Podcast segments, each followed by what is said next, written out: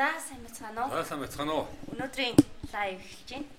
За өнөөдрийн гол сэдв бол сурчлагын үр дүнг нэмэгдүүлэх зардлыг бууруулах талаар зайлшгүй мэдэх ёстой зүйл байгаа тий. За тэгээд ерөнхийдөө цаг үеийн хувьд бол одоо яг борлуулалтын оргил үе бол эхэлж байгаа шиг байна тий захирлаа. Тэгэхээр одоо яг энэ оргил үед сурталчилгаа явуулаад идэг нөгөөх нь хэр их хит их зардалтай тэгсэн хэрнээ үр дүн багтай тий ийм байгаад байгаа юм бол бас жоохон асуудлууд үүсэж иж магадгүй. Тэгэхээр энэ талаар хэдүүлээ хоёлаа одоо ярилцах гэж тийм. Ер нь ямар ч байгууллагууд гол үе тийм. Аа. Шинэ жил болж байна. За бүх баяр ёслолууд эхэлж байна. Шинэ жил цагаан сар гэдэг ингээд суурч эхэлнэ. Аа. Борлуулалтын хувьд бол үнэхээр хамгийн чухал үе дээ нэг. Шинэ жил одоо яг одоо эхэлж байгаа 12 сар, 1 сар, 2 сар, 3 сар бүгдээ. За яг энэ үед яг одоо биднэрт хамгийн их ирж байгаа асуултууд одоо өсөлтүүд юу вэ гэхээр сурчлагын үр дүнгээ яаж сайжруулах вэ гэдэг байна. За сурчлага явуулаад байдаг, нэгжийн зардал нэмэгдээд байдаг, үр дүнгээ яаж сайжруулах вэ? Хэрэгтэй хүмүүст нь яаж хүргэх вэ? Борлуулалт яаж нэмэгдүүлэх вэ? Энэ тухай асуудал бол. За тэгвэл хүмүүсийн яг сурталчилгаа явуулж байхдаа алдж байгаа алдаанууд захирлаа юу вэ? Яг нийтлэг тохиолж байгаа. Яагаад ер нь энэ сурталчилгааны зардал нь ихсээд үр дүнгүй байна? Ер нь яг аа хоёр гурван гол зүйлийн тухай өнөөдөр ярих гэж бодсон. Аа. За нэгдүгээрт аа сурчлагаа хэн төрөж гэнэ гэдгээс хамааруулаад алдаанууд их гаргаж байна. Аа. За хоёрдугаарт болохоор аа сурчлагыг бас нэг юм дахин хүргэх тал дээр алдаа гаргаад байна. Нэг удаа харуулаад өнгөрчдөг. За гуравдугаарт хүргэж байгаа бэлдэж байгаа сурчлагын материалууд дээр бас их алдаа гаргаж байна. Тэгэхээр яг энэ талаар ер нь гурван зүйлийг маш сайн анхааруул хамгийн түрүүнд бидний хийж болох. Ерөөсөө л ингээл илүү өөр энэ бас шалтгааллахгүйгээр бидний шууд одоо өөрийн байгаа бэлэн материал бэлэн одоо хийсэн ажлууд дээр тэ ажлынхаа түүхтэр ашиглаад сайжруулж болох аргачлалууд байгаа. Тэгэхээр энэ талаар л өнөөдөр ер нь ярих гэж бодсон. Тэгэхээр за яг яг ямар алдаа байна? Яг алдаа. Хамгийн эхлээд. За. Хамгийн эхлээд. Өөрийнхөө хэрэглэгчдэд ерөөсөө хүргэдэг. Аа. За их их тохиолдолд ер нь яг сурчлагын сурчлага хийж байгаа хүмүүсийн их их тохиолдолд буст товчтөр дарангуудаа. Аа. Нөгөө постоо бүүстлждэг. Бүүстлэхдээ а зорилт сегментээ сонгохдоо нас хөөс байшлаар сонгоо явуулчихдаг. Аа. За энэ нь болохоор гол гараад байгаа гол асуудал нь юу вэ гэхээр дандаа л өөрсдийнхөө мэд одоо шинэ хүмүүст мэдээлэл хүргэж ийн гэсэн. Ерөнхийдөө гол санаа. Ерөөс танихгүй танахтаа харилцаж байгаа. Тэр дунд нь хаяа нэг тэднийх мэддэг хүмүүс байж магадгүй. Гэхдээ л одоо зоригтойгоор тэр хүмүүсийг сонгохгүй байх гэсэн үг тийм. Тэгэхээр ерөөсө гол алдаа ерөөсө энд байгаа юм шиг санагдав. Тэгэхээр одоо бидний яг тэр манайхыг сонирхож олох шууд шин манайхыг огт сонирхгүй тийм хүмүүс биш манайхыг сонирхож болох хүмүүс рүү эсвэл сонирхдаг хүмүүс рүү чиглүүлэх боломж нь юу вэ? Бага. Тэгэхээр хамгийн түрүүнд ер нь фэйсбүүкд энэ дэр маш их анхаарч байгаа. Аа За нэгдүгээр Facebook биднээс маш их мэдээлэл цуглуулдаг. За бид нар жишээлбэл одоо хамгийн багадад 10 тий 10 жил Facebook-ыг ашиглаж байна. Тэгээ энэ хооронд болохоор энэ хүн юу хийдгүү? Хаанаас ямар мэдээлэл авдгүү, юу үздэггүй, юу сонсдгүү, ямар пэйжүүдтэй харьцдгүү, ямар пэйжүүдтэй лайк дардгүү гэх мэтлэн ингээд маш их мэдээллийг биднээс цуглуулад авцсан байдаг. Нэгдүгээрт. Хоёрдугаарт бизнес эрхлэгчид Facebook дээр маш идэвхтэй ажилладаг. Аа. За жилийн тойрон бүтэн одоо постууд бэлдээл, идэвхжүүлэлт урамшуулал, зарлал, бүтээгдэхүүн үйлчлэгийг танилцуулаад өөрийн түүхийн хуваалцаал ингээл те маш идэвхтэй ажиллаж байгаа. За энэ ажиллаж байгаа энэ өөрийн хийж байгаа ажил болгон биднэрт тодорхой одоо манай хэрэглэгчдийн мэдээллийг Facebook өгч идэг тийм. Өөрөөр хэлбэл манай өнгөрсөн жилийн хугацаанд жилийн хугацаанд хийсэн пост болгоныг тий мэдээлэл болгоныг үзэж хараад дагаад сонирхож анхаарч үзээд байгаа хүмүүсийг Facebook бүртгэж цуглуулж аваад мэдээллийн сан бий болгож яадаг гэсэн үг л дээ тий. За тэрийг тэгэхээр нэг юм тэгэхээр нөгөө талаас нөгөө ийм боломж байгаад байдаг. Тэгсэн нөгөө талаас хүмүүс болохоор яадаг вэхээр шууд а одоо тэр одоо үүссэн байгаа мэдээллийн баазыг ашиглалгүйгээр те шууд нас үсээр нанглаад. Тэгэхээр ер нь зүгээр жишээ ашиглууд ер нь ямар хөө байдлаар хүмүүс сурталгаа явуулж байна гэдэг зүгээр ишээгээр харуулвал тийм иймэрхүү л байна гэсэн. Шууд бид нэр та шууд нас хүүс аа байршлаар нь сонгоод сурталгаа явуулж байгаа бол та танахыг огт танихгүй cold audience гэж ярьдаг тийм огт танихгүй хүмүүс л сурталгаагаа хүргээд өгөх магадaltaй. Аа. Тэгэхээр бид нар хамгийн түрүүнд warm audience буюу танахыг тодорхой хэмжээнд мэддэг, таньдаг болчихсон тийм хүмүүс сурталгаа хүрэх зайлшгүй шаардлага байна л гэсэн үг. Нэгдүгээр. Яагаад тэгэхээр огт танихгүй хүнтэй би уулзахтаа яадаг вэ? Эхлээ өөрийгөө танилцуулна, намайг тэр гэдэг ийм ийм гэдэг ийм ажил. Ийм үү. Би танаас юу хүсэж байгаа, яаж байгаа гэдэг танд ер нь өөрийгөө танилцуулах маш их шаардлагатай байна. Гэхдээ одоо энэ чинь завгүй хүмүүс байна. Тийм маш бага цагтай хүмүүс байна. Таныг өөрийгөө танилцуулж явах хооронд яваад таньдаг мэддэг хүнээсээ тий мэдээлэл аваад бүтээгдэхүүн бодолдоо авалтаа хийчих магадлал байна гэсэн үг байхгүй тий. Тэгэхээр хамгийн түрүүнд л ерөөсөө бид нэр эхний удаад таньдаг хүмүүстэйгээ холбогдох гэсэн. Нэгдүгээрт таньдаг хүмүүс. Таньдаг хүмүүс чинь танахыг мэддэг, танаа бараа бүтээгдэхүүнийг таньдаг, танай давуу талуудыг мэддэг, бүтэн жил танай одоо мэдээлэл, постууд түүхийг сонсчихсан энэ хүмүүс одоо яг худалдан авалт хийх үе нь болоод ирэхээр танахыг сонгох магадaltaй л гэсэн. Нэгдүгээрт. Тэгэхээр бид нар сурталгаагаа хамгийн түрүүнд хүрэх ёстой хүмүүс чинь өөрөөр хэлбэл сурталгааны зардлыг хамгийн бага хэмжээнд үр дүнг нь хамгийн өндөр хэмжээнд байхын тулд бид нар хамгийн эхлээд таньдаг хүмүүстэй хандаа л гэсэн. Заавал тэр хооронд чинь таньдаг хүмүүсийн хувьд би өөрийгөө танилцуулах шаардлагагүйгээр одоо яг жинхэнэ бүтээгдэхүүн борлуулалт урамшууллын тухай тэр хүмүүстэй ярьж болж байна л гэсэн үг тийм энгийн тайлбарлал. За нөгөө талаас. За нөгөө талаас За та сая таньдаг хүмүүс warm audience гэдээ ярьлаа шүү дээ. Энэ хүмүүсийг Facebook-ийн яг сурталчилгаан дээр нэрлсэн нэрлэмж гэдэг юм уу те яг тэр үсгэлтийн юм гэж байдгүй. Яг Facebook customer audience буюу тусгай зорилтод бүлэг үүсгэх талаар бид нар бас өмнө нь лайв байсан нийтлэл маш дэлгэрэнгүй заавар нийтлэл бэлдсэн. Тэндээс бас авч үзээр бид нар энэ лайвынхаа капшн хэсэгт линкүүдийг нь оруулсан байна. Ааха. За тэгэхээр өөрөөр хэлбэл бид нар Facebook custom audience буюу манай пэйжтэй өмнө нь холбогдож байсан манай пэйж руу орж үзэж хандаж байсан тий манай постуудыг лайк дарж тодорхой хэмжээгээр анхаарч үзэж байсан. За дээрэс нь манайх руу мессеж бичиж байсан. Манай постуудыг сейв хийж, манай пэйжийг сейв хийж хадгалж авсан. Өөрөөр үнэхээр одоо тодорхой хэмжээ бид нартай харилцаа үүсгэж анхаар үүсгэж анхаарч үзэж анхаарал тавьж байсан танай бараа бүтээгдэхүүн постууд тий сурталчилгаанд анхаарал тавьжсэн энэ хүмүүс гэсэн. Аа энэ хүмүүсийг бол Facebook одоо сурталчилгаа явуулахад Facebook л биднэрт гаргаад өгчих юм байна шүү дээ тий.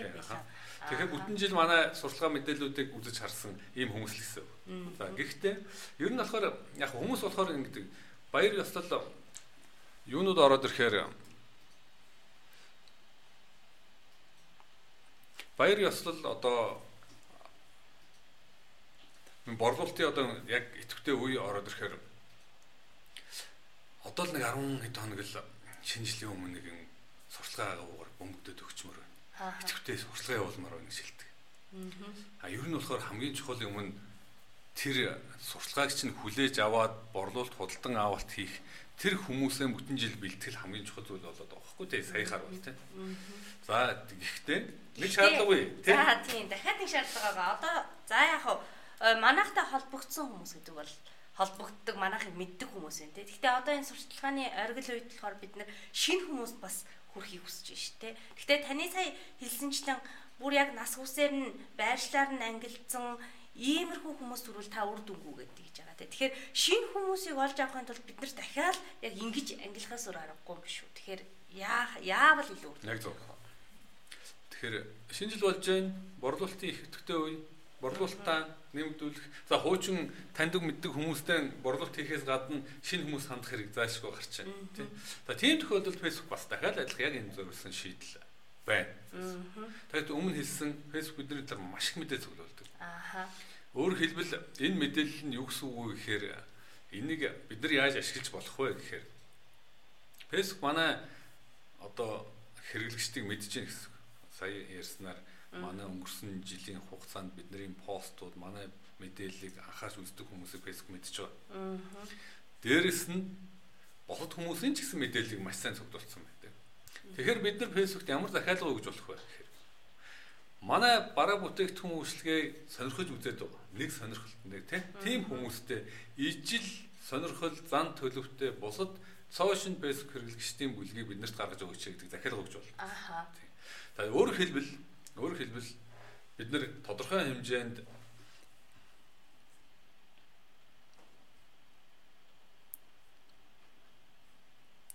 Тэ манай хэрэглэгчтэй ижил төстэй хүмүүсийг фэйсбүүкээс олж чадна гэсэн. Аа. Өөрөөр хэлбэл ингэсэн үг юм байна шүү дээ. Тэ нас хүсээр нь за одоо жишээлбэл 18-аас дээш насны эмэгтэйчүүд гэдэг чим 25-аас дээш насны эмэгтэйчүүд гэхээр тэрэн дотор манайхыг сонирхох хүн байна, сонирхгүй хүн байна тий. Тэгэхээр яг зөв хүмүүс рүүгээ олж чадахгүй. А тэгэнгүүт манайхыг сонирхдог яг тэр насны хүмүүстэй адилхан пэйжүүдийг дагдаг тий. Адилхан үйлдэл хийдэг адилхан зүйл хөтлөж авах. сонирхоод байгаа. Ижил бараа бүтээгдэхүүний мэдээллийг авч байгаа. Ижилхэн видео үзэж байгаа. За ижил пэйжүүдийг дагаж байна магадгүй бүр ижил борлуулалт ижил бараа бүтээгдэхүүнийг худалдан аваад байгаа тийм ийм хүмүүсийг сонгож байна. Тийм гэхдээ манайхтай холбогдож байгаагүй. Тийм тэгэхээр ер нь бол насхүйс цэвэр зорилт сегмент сонгох одоо тийм эцсийн зөв сонголт бол биш. Бид нар өөрөө мэдж байгаа манай ангийн надад хамт сурч ирсэн хүмүүс. Бид нар шал өөр сонирхол, шал өөр худалдан авалтын одоо зан төлөвүүдтэй байгаа тий. Тэгэхээр нас хүс бол ер нь бол тийм шууд одоо зорилт сегментийн маш сайн зөв одоо сонголт биш. Тийм учраас бид нар энэ lookalike буюу ижил төстэй сегмент, audience одоо хэрэглэгчдийг сонгож олж авах энэ боломжийг нь заавал ашиглаач л гэдэг. Өөр хэлбэл Facebook бидний талаар хангалттай мэдээлэл цуглуулсан. Тэгэхээр манай хэрэглэгчтэй ижилхэн сонирхолтой танай бараа бүтээгдэхүүнүүдийг худалдан авч магадгүй тийм хүмүүсийг олж явахдаа Facebook маш сайн л гэсэн. Аа. Яг энэ функцийг нь заавал ашиглаач л гэдэг. За тэгэхээр шууд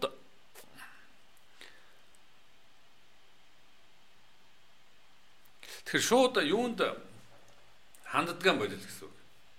Шууд одоо нас хүүстэй тэдээс тэдэн насны тэнд байгаа. Манайхтай ямар хамааралтайг нь сайн мэдхгүйгээр тий шууд хүмүүст сурталгаа хүргэдэг юм байл гэсэн. Энд яг тэр сонголт чинь хамгийн түрүүнд манай сурталгааны зардлын үр өгөөжийг бууруулж байгаа зүйл. Тэгэхээр ерөөсөө мэддэг хүмүүс мэддэг хүмүүстэйгэн ижил төстэй бусад хүмүүсийг сонгож аваад сурталгаанд ашиглах нь хамгийн түрүүнд чухал зүйл.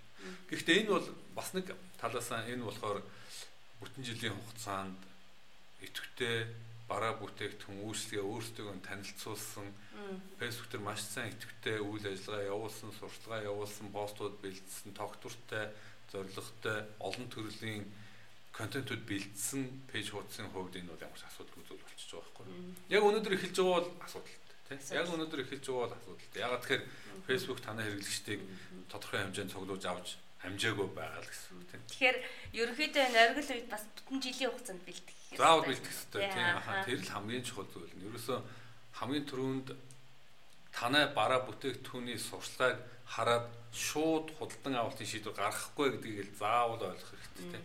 Тэгэхээр тэр талаас хүмүүс хэрэглэгчтэй бэлдэх хэрэгтэй л гэсэн. За дараагийн асуулт бол та сая хэллээ шүү дээ тийм. Танай бүтээгдэхүүн үйлчлэгээ хараа шууд бол хэрэглэгч э, шийдвэрээ гаргахгүй гэх. Тэгэхээр ерөнхийдөө хэрэглэгчд нөгөө өдөрт ингээд маш олон мэдээлэл дөнд байгаа шүү дээ. Та бас сая нийт юуны өмнө лайвын өмнө хэлж ийсэн тий а ерөнхийдөө хүмүүс бол өдөрт маш их мэдээлэл авдаг. А тухайн үед яг мэдээлэл авсан даруйда шийдвэр гаргахад бэлэн биш байж болно. А эсвэл хүмүүстэй ярилцаж зөвлөлдөх хэрэгтэй байж болно гэх мэтлэн та хэлж ийсэн тийм. Тэгэхээр энэ хүмүүст дахиж сурталчилгаа хүргэх хэрэгтэй байна тийм. Тэгэхээр яг энэ манахаас мэдээлэл авсан хүмүүс рүүгээ дахиад сурталчилгаа хийхэд бид нар одоо яах вэ?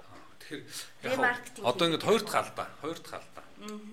Хүмүүсийн яг нэгдүгээр сегмент хэн сурталчилгаа хүргэх вэ гэдгийг сонгодог гэсэн тийм. Хоёр дахь алдаа хамгийн том хоёр дахь алдаа болохоор танай сурталчилгааг танай бараа бүтээгдэхүүнийг сонирхоод байна гэд өөрсдөө тэрнийг илэрхийлсэн хүмүүс бид нар дахин сурталчилгаа хүргэдэг. Ааха. Өөр хэлбэл бид нар яг өөрсдөө өөр дээрээ тохиолдог жишээний тухай ярил л да тийм.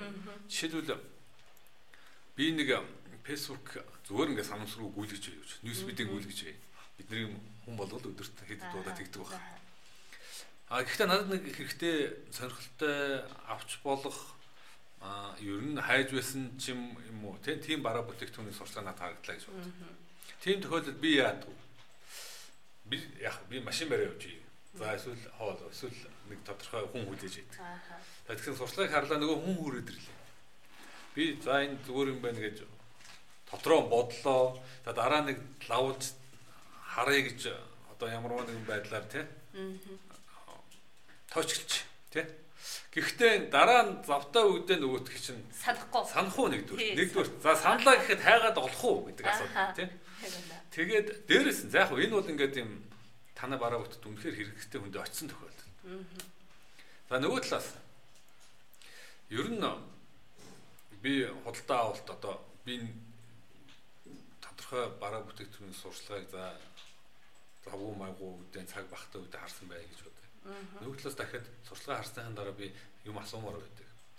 Тодорхой бас нэг цаг надад хэрэгтэй. Мессенжерээр ханд нуцаар нь ярих хэрэгтэй болно те. Ингээд ер нь биднэрт бол ер нь заавалчгүй нэг сурчлага харсны дараа тодорхой хэмжээний одоо цаг хугацаа хэрэгтэй байгаа байхгүй. А гэхдээ биднэрт яг хэрэглэгчд бол цаг тийм цаг хугацаа байхгүй. Өөр хэлбэл танаас сурчлага нэг удаа харсан хүн дахиж сайн давтаж хэлэхгүйгээр мартахчих харж эсвэл хайгаад болохгүй байх гэх янз бүрийн одоо шалтгаанууд тулгардаг л гэсэн үг тийм. Тэгэхээр хүмүүсийн гарч байгаа алдаа маань танаас сурчлагыг би анхаарч үзээд байна. Дарж үзээд байна. Клик хийгээд видеог чинь үзээд байна тийм. Яг тийм тохиолдолд дахиад энэ хүн сонирхсан байна шүү. Дараагийн сурчлагыг явуулахыг хүргэе гэдэг энэ ретаргетинг аргачлалууд ерөөсөө хэрэгэлдэг. Хамгийн гол алт.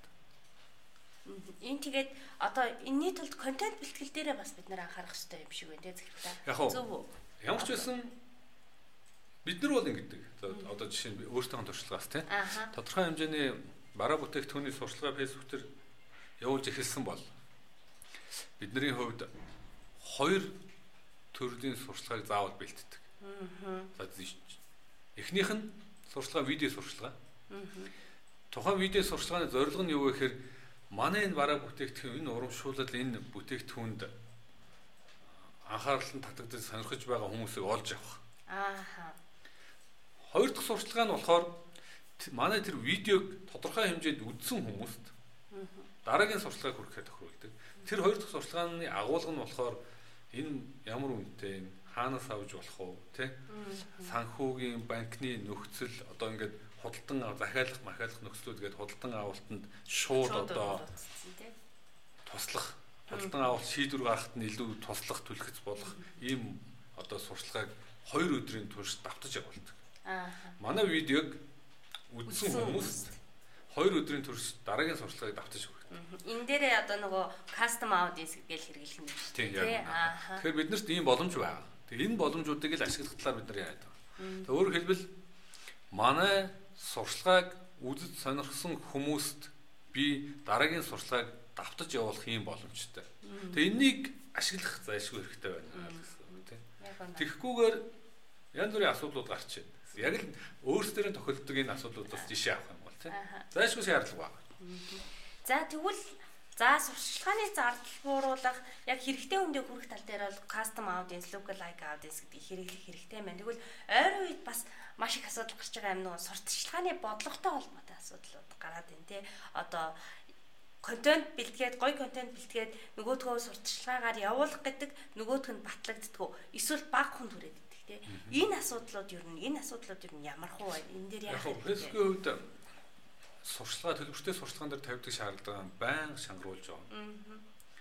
Хамгийн эхлээл хүмүүс тохиолдог зүйл сурчлагын аккаунт нээгээд сурчлага явуулж эхлэх болохоор та манай сурчлагын нөхцөл бодлогыг зөвшөөрнө биз тий янз бүрийн улс төрийн болоод ялгуурлан гадуурсан сурчлага явуулахгүй biz амлалт амлалт өг тий гэдэг ийм шаардлагыг нь ойлгож харахгүйгээр шууд бүс төвшин дээр дараа сурчлага явуулах гэдэг Энэ дээр зүгээр accept одоо энэ comply хийнэ энийг гэсэн юм ганцхан товчон дээр дарахал тухайн асуудал дээр хүмүүс ингээ нэгдүгээр унцдаг. Тэгэхээр айдс менежер руугаа ор тийм асуудлууд байна уугүй гэдгийг шалгаж явах хэрэгтэй нэгдүгээр. Хоёрдугаарт а бидний бэлтэж байгаа сурчлага өөр асуудалтай байгаа гэдэг. Хамгийн түрүүнд сурчлагын хэд их тексттэй материал бэлтждэг. За текстийн хувьд Facebook хэдих тексттэй сурчлагаа, зурагт пострууд, видеог тексттэй гэдэг нь caption тайлбар текстийн хувьд биш шүү дээ тийм. Яг дизайн, зурагт пострын агуулга, постэр дээр дизайн дээр нь агуулгаж байгаа тестрийн хувь хэмжээний тухай ярьж байгаа. Хэдих тексттэй байх юм бол Facebook явуулах дурггүй. Ааха. Баталдаггүй. Эсвэл их тексттэй байна, баталдаж их тексттэй байна. Эн чинь баг хүнд хүрэн шүү. Тийм цөөн хүнд өндөр үнэтэйгээр хүрэн шүү гэдэг ийм одоо анхааруулгыг өгдөг. Тэгэж угаас тэгдэг. Тэгэхээр сурчлагын үр дүн хүртээмж нэгжийн зардлыг бууруулахад хамгийн түрүүнд сурчлагын харагдах байж чухал байна гэсэн. Дахиад хоёрдугаарт бидний хэрэгжилж байгаа үг хэллэг дахиад асуудал дагуулдаг. Аха. Бид нар хамгийн их тохиолддог. Асуусан асуулт орсон сурчлага бэлдэх. Тийм. Энэ бол caption текстийн тухай ярьж байгаа одоо. Таны танаа хүүхд чинь ханаа төрчөөд хэцүү байна тэгвэл ийм ийм авч. Та үнийг мэдхүү. Тийм. Би чинь ядрангуй сул байна уу тэгвэл инг. Аа. Биеийн жиндээ санаа зовж байна уу? Гэх мэтчлэн зорилт сегментийн асуудлыг нь хэлж өгдөг. Дараа нь шийдлийг нь бид нэр сурталчаагаар танилцуулдаг. Тэгээ уул нүрдүнтэй сурталчааны арга. Гэхдээ Facebook Монгол хэлийг дэмждэг болсон бидний бичиж байгаа текстийн агуулгыг шалгаж үздэг болсон. За тэгээд иймэрхүү асуултууд асуусан бол сурталгааг явуулахгүй баталгаан болсон. Тэгэхээр нэг ийм тэгэхээр энэ дээр анхаарах хэрэгтэй. Асуулт битгий асуу. Асуулт асуух юм бол асуудалт. Нөгөө талаар дахиад нэг асуудал байна. Лайк хий, шеэр хий, комент бич гэсэн юм үрээлсэн үгнүүд ашигласан бол дахиад сурчлагын хүртээмжийг эрс бууруулж Тийм. Ааха. Ягаад гэвэл тэр хүнийг хувийн хувийн орон зайд нь халдаад байна гэж үздэг. Дээрээс нь зүгээр ихэн талдж байна. Зүгээр ингээд хүчээр лайк хийх гэдэг жишээгүй эн чинь хүн таалагдвал лайк дарна уу гэсэн биш таныг хэлэхээр дарах хэрэгтэй биш гэсэн үг шүү дээ ерөөд байгаа сан тийм коммент ч гэсэн адилхан. За тэгвэл захирлаа хоёлаа яг энэ ямархуу одоо э, яг биднэрт яг юун зөв ингэж хийвэл зөв ингэж хийвэл буруу гэдээ фэйсбүүкээс ирсэн сануулгыг хоёлаа жишээ болгоод хараа. За тийм яаха. За жишээлбэл зурган дизайн дээр харагддаг байдал. Аа. Ингэж шилдээл гэл ингээл танилцуулчихж байгаа юм бид нар. Аа. За ашиглаж болох текстүүд болохгүй текстүүд гэсэн. Аа. Тэгэхээр шууд ингэж хит детальчилж харуулахыг хориглодог. Яг үнэ. Одоо жишээлбэл болох гэсэн энэ хэсэг дээр байна тий. Аа. Хит детальчилж детальчилж харуулах. Тэгэхгүйгээр ерөнхий байдлаар харуулах юм бол асуудгүй ах гэх гэсэн. Тэгэхээр тодорхой нэг эргэтэн одоо чих хамар хоолой нүд юу вэ? Энийг ер нь хэтэрхий тодруулж харуулах сурчлаганд зөвшөөрөгддөг. Аа. Хоёрдугаарт аа ер нь дайт барихыг тий одоо ингээд эрүүл мэнд гол нэг хүн болгоны хүн болгон ижилхэн байх хэрэгтэй биш юм байна л тий. Аа хүн болгоныг нэг одоо тийм жин нэг харьцаа харагдах байдалтай болох гэж ингэж үзэж яах гэж үзээд байна гэсэн үг. Би одоо илүүл жинтэй байж болно. Гэхдээ тэр чинь миний хувьд санаа зовх асуудал биш үж болно шүү дээ. Тэгэд чи ийм байж болохгүй гэдээ одоо ингэ сануулад байж болохгүй гэсэн үг шүү дээ. Тэгэхээр тэр талаасаа заашгүй бид нар одоо жишээлбэл энэ зурган дээр харагдаж халдсан зураг тийм. Үгүй эн чинь тэгэл одоо хүн халдсан байж болно шүү дээ. Гэхдээ тэрнийг нь одоо. Тэгээ энэ нэг эмчил гэдэг байгаа тийм. Тийм яг уу санаа зовж байгаа хүмүүс л тэрнийг ариу өөрөөр тэр хүндээ хандаа л гэсэн. Өөр юмар дүрсэлж мөрсөлж харуулж байгаа. Тийм. За тэгэхээр